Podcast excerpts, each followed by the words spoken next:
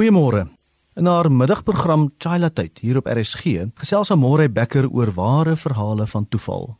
Dan sê sy mos altyd treffend en toepaslik: "Toeval lig." Talle geleerdes het al hierdie misterie bestudeer. Carl Jung het die verskynsel sinkronisiteit genoem. Wanneer iets betekenisvol gebeur waarvan die waarskynlikheid dat dit sou plaasvind besonder klein is. In die Bybel is daar ook talle gebeurtenisse wat op die oog af toevallig lyk, maar te netjies in God se groter plan inpas om bloot as toeval beskryf te word. Byvoorbeeld, die gebeure rondom die herontmoeting van Josef en sy broers in Egipte.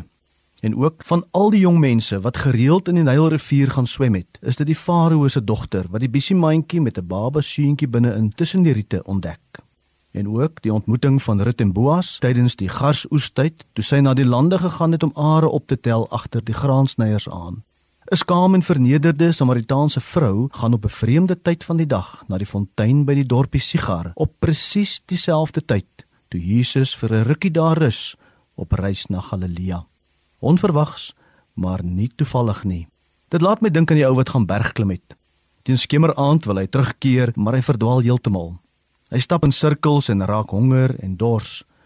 Hy het nog nooit in sy lewe gebid nie, want hy was maar nog altyd skepties oor geloof.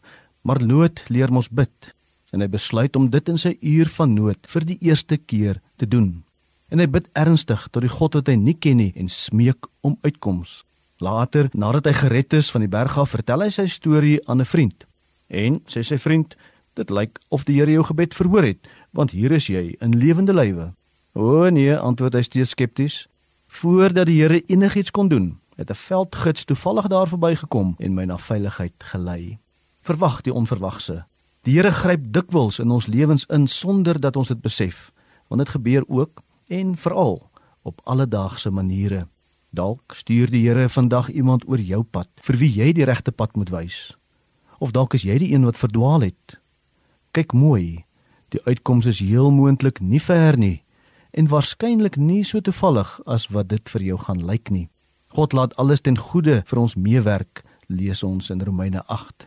Die ou spreekwoord sê mos, as die nood op sy hoogste is, is die uitkoms op sy naaste.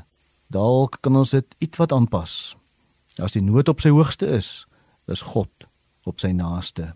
Here, dankie dat U altyd naby is. Amen.